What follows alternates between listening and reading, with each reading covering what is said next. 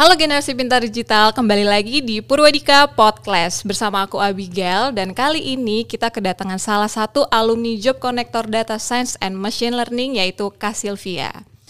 Nah, Kak Sylvia ini sekarang udah bekerja sebagai Growth Analyst di salah satu dekakorn dari Indonesia yaitu Gojek. Hari ini kita punya kesempatan nih untuk ngobrol-ngobrol bareng beliau tentang gimana sih perjalanan karirnya sampai bisa menjadi seorang growth analyst di Gojek. Oke, yuk langsung aja kita ngobrol bareng Kak Sylvia. Halo Kak Sylvia. Halo Abigail. Oke Kak, sebelum kita ke pertanyaan ini aku mau nanya berarti Kak Sylvia sekarang masih full WFH atau udah full WFO?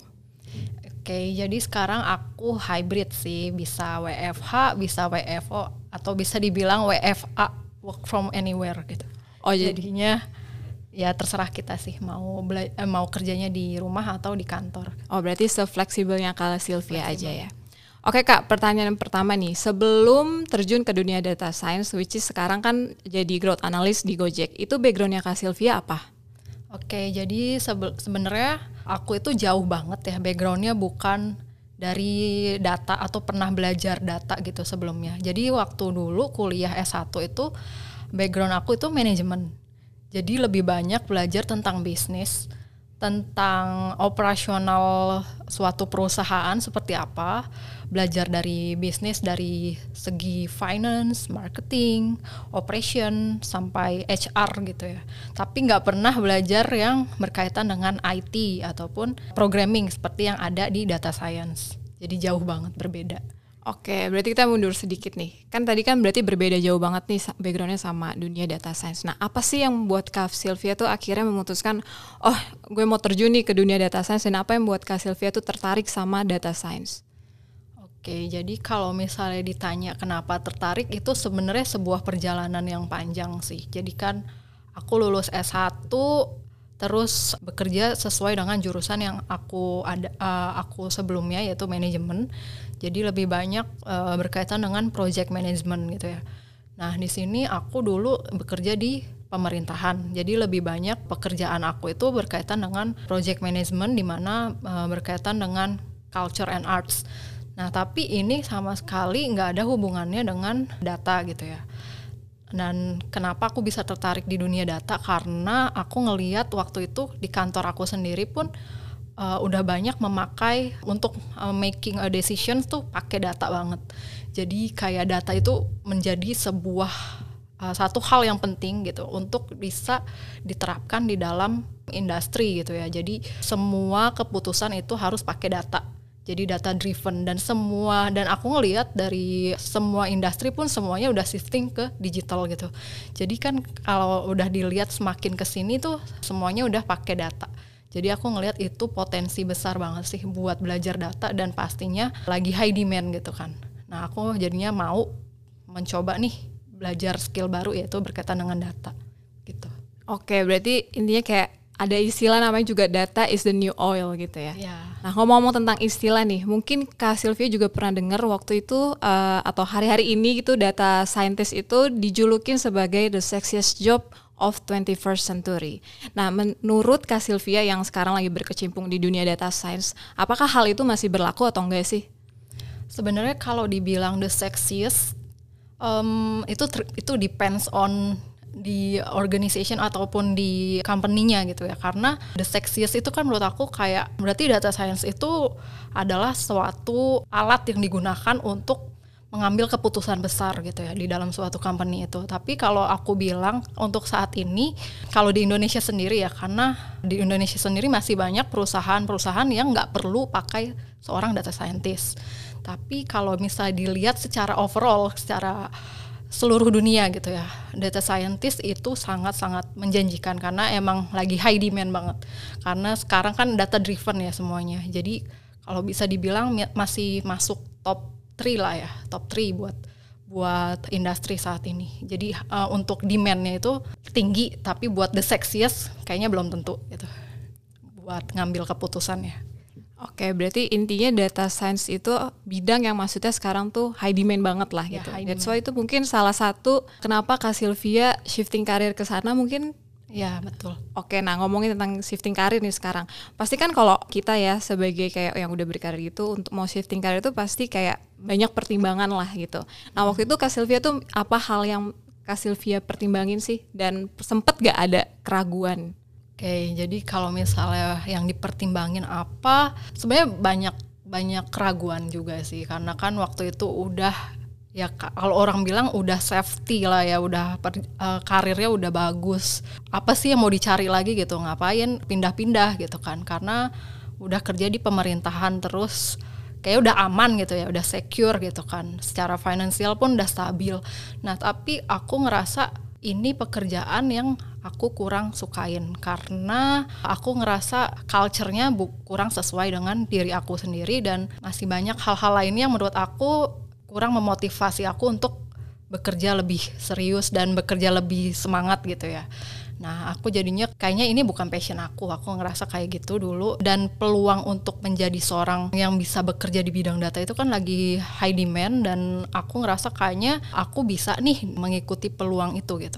Oke, berarti kan udah dipertimbangin secara matang terus yeah. akhirnya oke okay, mau shifting karir ke dunia data science. Nah, step pertama yang Kak Sylvia lakuin tuh apa?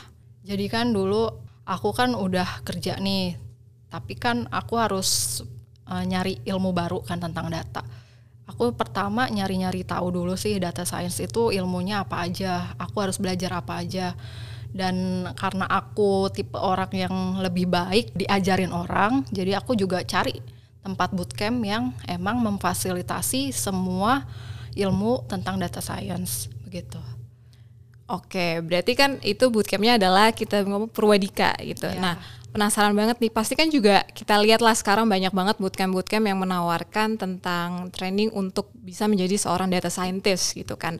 Kenapa akhirnya Kak Sylvia memutuskan untuk pilih Purwadika? Oke, jadi kalau misalnya ditanya kenapa Purwadika, kalau Purwadika kan ada tawaran job connector nih jadi yang udah graduate, udah lulus dari Purwadika pasti akan masuk ke job konektornya gitu. Nah di sini kan aku lagi posisi insecure juga ya, takut nggak dapat kerja.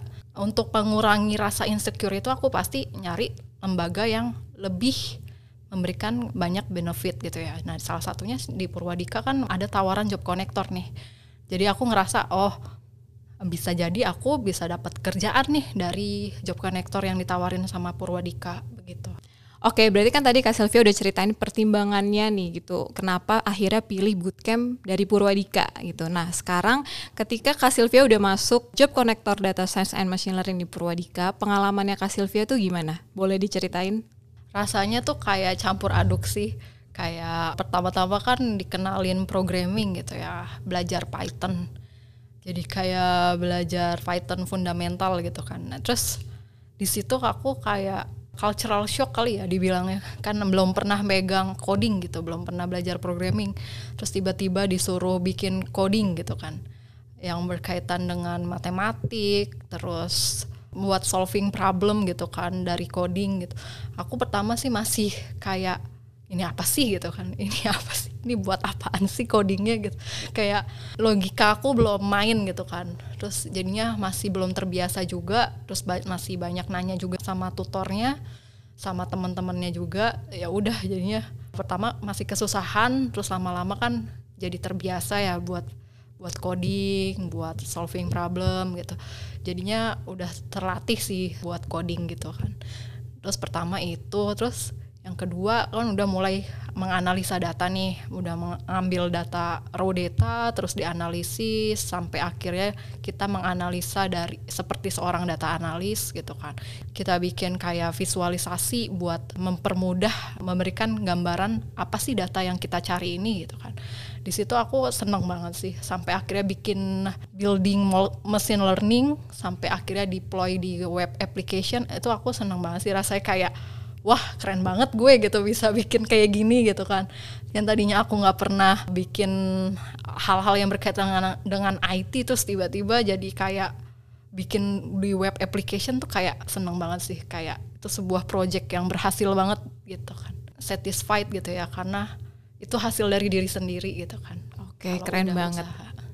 Nah Kalau ngomongin data science, mungkin dari berbagai macam orang gitu ya, mungkin kayak pengen banget nih masuk ke dunia data science, tapi mereka tuh kayak ragu gitu, kayak data science tuh harus jago matematika nggak sih gitu. Kalau menurut Kak Sylvia itu gimana Kak?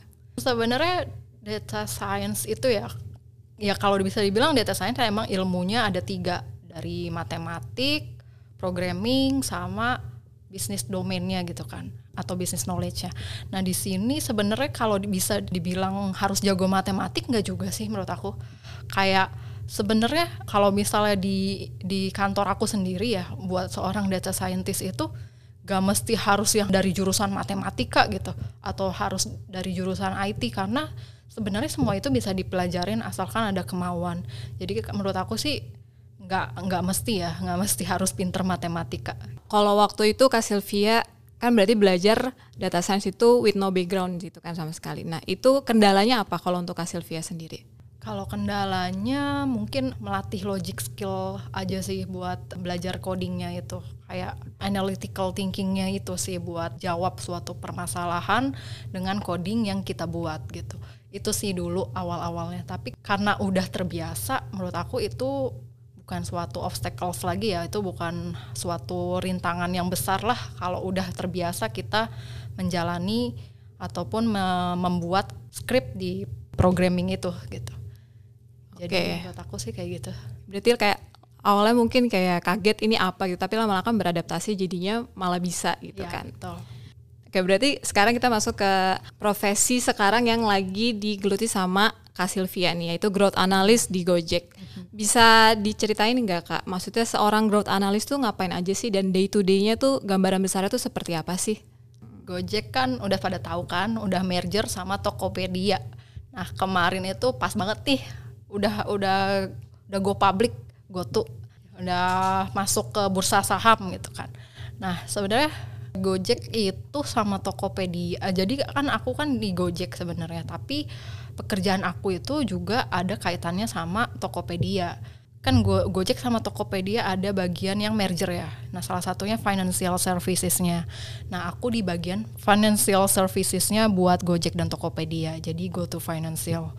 Nah, kalau misalnya day to day-nya, aku biasanya tuh bikin campaign campaign ini sebenarnya pekerjaan dari tim marketing tim marketing kan pasti buat melakukan promotion melakukan campaign itu kan pasti membutuhkan data. Nah jadi tim marketing biasanya request ke tim aku tim growth buat melakukan campaign di aplikasi Gojek ataupun di aplikasi Tokopedia. Nah biasanya campaign itu yang berkaitan untuk misalnya meningkatkan sales atau brand awareness. Nah itu kan pasti semuanya membutuhkan data. Nah biasanya aku membantu tim marketing untuk mencari data-data konsumen untuk bisa menyesuaikan dengan objektif dari tim marketing. Jadi seperti itu. Oke, berarti kan kalau ngomongin growth analyst di perusahaan Gojek, itu Kak Sylvia tuh kerja per grup atau individual atau gimana Kak flow-nya? Sebenarnya di di Gojek tuh semuanya pasti tim gitu ya. Semuanya tuh pekerjaan dilakukan secara tim dan ini tuh timnya besar sekali dan kayak tim aku di growth aja itu ada sekitar 8 orang. Dan, dan untuk overall kalau ibaratnya satu departemen itu departemen product marketing itu bisa banyak banget bisa 20 orang 20 orang lebih lah ya. Nah, jadi ini semuanya tim, jadi sama, sama saling sa, uh, bahu membahu gitu ya. Dari tim marketing, minta request ke tim growth dan tim growth kol kolaborasi sama tim risk atau tim data science atau tim research buat menganalisa data yang mereka minta begitu. Oke, berarti Kak Sylvia ini kan seorang growth analyst gitu. Seringnya tuh tektokannya sama divisi apa? Marketing atau apa? Ini kan karena aku lebih ke jadi kan aku kan uh, menganalisa data untuk tim marketing ya. Mm. Jadi pasti lebih banyak tektokan sama tim marketing. Tapi juga banyak kolaborasi sama tim research, sama tim data science, sama tim risk buat mengurangi resiko-resiko dari financial tersebut gitu. Oke, keren banget berarti. Nah, ngomongin tentang masih seputar karir Kak Sylvia saat ini, Apakah dulu tuh pernah terlintas gak sih? Mungkin kayak emang nih karir impiannya pengen di startup Dekakorn gitu atau perusahaan Gojek atau dulunya tuh nggak expect sama sekali ternyata sampai saat ini bisa jadi growth analyst di perusahaan Gojek. Oke, jadi kalau misalnya ditanya karir aspirasi, dulu tuh aku kayak gak yang uh, nyari buat kerja tuh buat ny sekedar nyari uang aja gitu. Tapi aku lebih milih lingkungan kerja yang nyaman. Bagaimana aku bisa kerja tapi ngerasa nyaman di suatu lingkungan tersebut. Jadi nggak semata-mata kerja itu buat nyari uang dan aku belum nemuin itu di perusahaan aku sebelumnya gitu kan. Nah jadi aku ngerasa di Gojek itu aku sebenarnya emang impian aku sih bekerja di Gojek karena aku kan udah nyari tahu ya Gojek itu culture-nya asik banget gitu. Maksud aku culture asik itu pertama Gojek itu sangat-sangat memperhatikan welfare-nya karyawannya. Jadi semua karyawan itu pasti diperhatiin dari kenyamanannya dan di Gojek itu sendiri yang aku salut tuh sebulan sekali gitu ya. Sebulan sekali pasti ada di mana hari kita nggak boleh meeting sama sekali, kita nggak boleh kerja sama sekali kayak mereka tuh benar-benar memperhatikan mental health kita gitu loh kayak kita kan pasti kan kerja terus gitu kan karena setiap hari kan kita pasti meeting terus adalah pekerjaan-pekerjaan yang sangat-sangat membuat kita sibuk gitu. Jadi di Gojek itu pun diperhatiin seperti itu, sedetail itu dan dan semuanya itu kayak bisa dibilang uh, the sense of family-nya tuh besar banget di Gojek gitu. Karena dari itu pokoknya karyawannya diperhatiin banget dan lingkungan kerjanya pun enak banget gitu. Kayak orang-orangnya tuh nggak tahu kenapa asik banget gitu ya. Kayak satu-satu tuh semua orang tuh bener-bener perhatian banget. Kayak misalnya kita tuh nggak ngerti pasti dikasih dikasih jawaban yang asik banget yang bisa kita tuh jadi langsung ngerti kayak dan mereka bilang there's no dumb question gitu. Nggak ada pertanyaan yang bodoh. Kalian tuh bisa tanya apa pun itu kalau emang nggak ngerti gitu.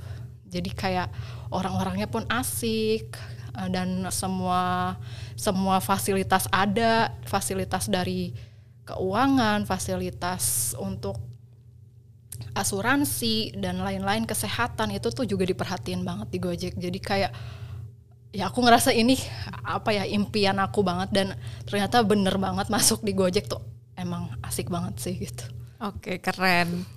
Nah, waktu itu berarti kita mungkin mundur sedikit gitu kan waktu sebelum kali Kak Sylvia tuh apply ke Gojek itu tahap-tahapnya tuh apa aja sih dan berapa lama sampai akhirnya day one kerja Oke, jadi kalau di Gojek tuh tahapnya pertama kan kirim CV dulu, pastikan kirim CV, terus pastikan difilter nih CV-nya sama si orang HR-nya. Nah, nanti abis itu kalau udah terpilih CV-nya, screening CV dari screening CV tersebut pastikan dihubungin sama orang HR. Nah, jadi tahap pertama ada interview sama HR. Nah, kalau udah lolos interview HR biasanya ada technical test, technical test buat buat bidang yang kita apply. Kalau aku kan growth analyst ya, jadi kayak ada technical test buat kayak data-data gitu. Bagaimana menganalisa data tersebut menjadi data yang bisa memberikan insight yang bagus nih buat menyelesaikan bisnis gitu. Nah di situ ada technical test, terus abis itu ada interview user. Interview usernya dua kali. Jadi kurang lebih uh, tahapannya ada sekitar dua bulanan Dua bulanan. Mm -mm. Oke, nah berarti menurut Kak Sylvia nih, mungkin kita ngomongin tentang yang di bidang data science dulu. Apa sih yang paling mereka lihat gitu sampai akhirnya Kak Sylvia bisa masuk salah satu menjadi salah satu bagian dari tim Gojek? Apakah skillnya atau mungkin apa? Kalau yang aku lihat ya, kalau Gojek sendiri kan karena culture-nya yang aku bilang itu enak banget ya. Jadi mereka itu beneran gak gimana ya? Sebenarnya kalau aku ngambil dari tiga pilar ya Gojek, tiga pilar Gojek itu kan speed, innovation, sama social impact. Nah di sini bisa dibilang Gojek itu Gojek itu masuk loh salah eh, GoTo ya, GoTo itu masuk ke 100 perusahaan yang paling berpengaruh di dunia. Nah ini kan karena mereka itu memberikan dampak sosial yang sangat besar di Indonesia sendiri aja Gojek itu bisa memberikan lapangan pekerjaan yang sangat besar buat banyak orang gitu kan jadi banyak banget mitra driver gitu kan yang bisa ketolong gitu kan dari aplikasi Gojek ini sendiri. Nah, jadi Gojek itu sebenarnya ingin banget punya karyawan yang punya tiga hal itu speed innovation dan juga social impact. Jadi karyawan itu harus communicationnya juga bagus sih. Communicationnya bagus technical skillnya juga bagus sama bisa memberikan dampak positif nih buat masyarakat gitu.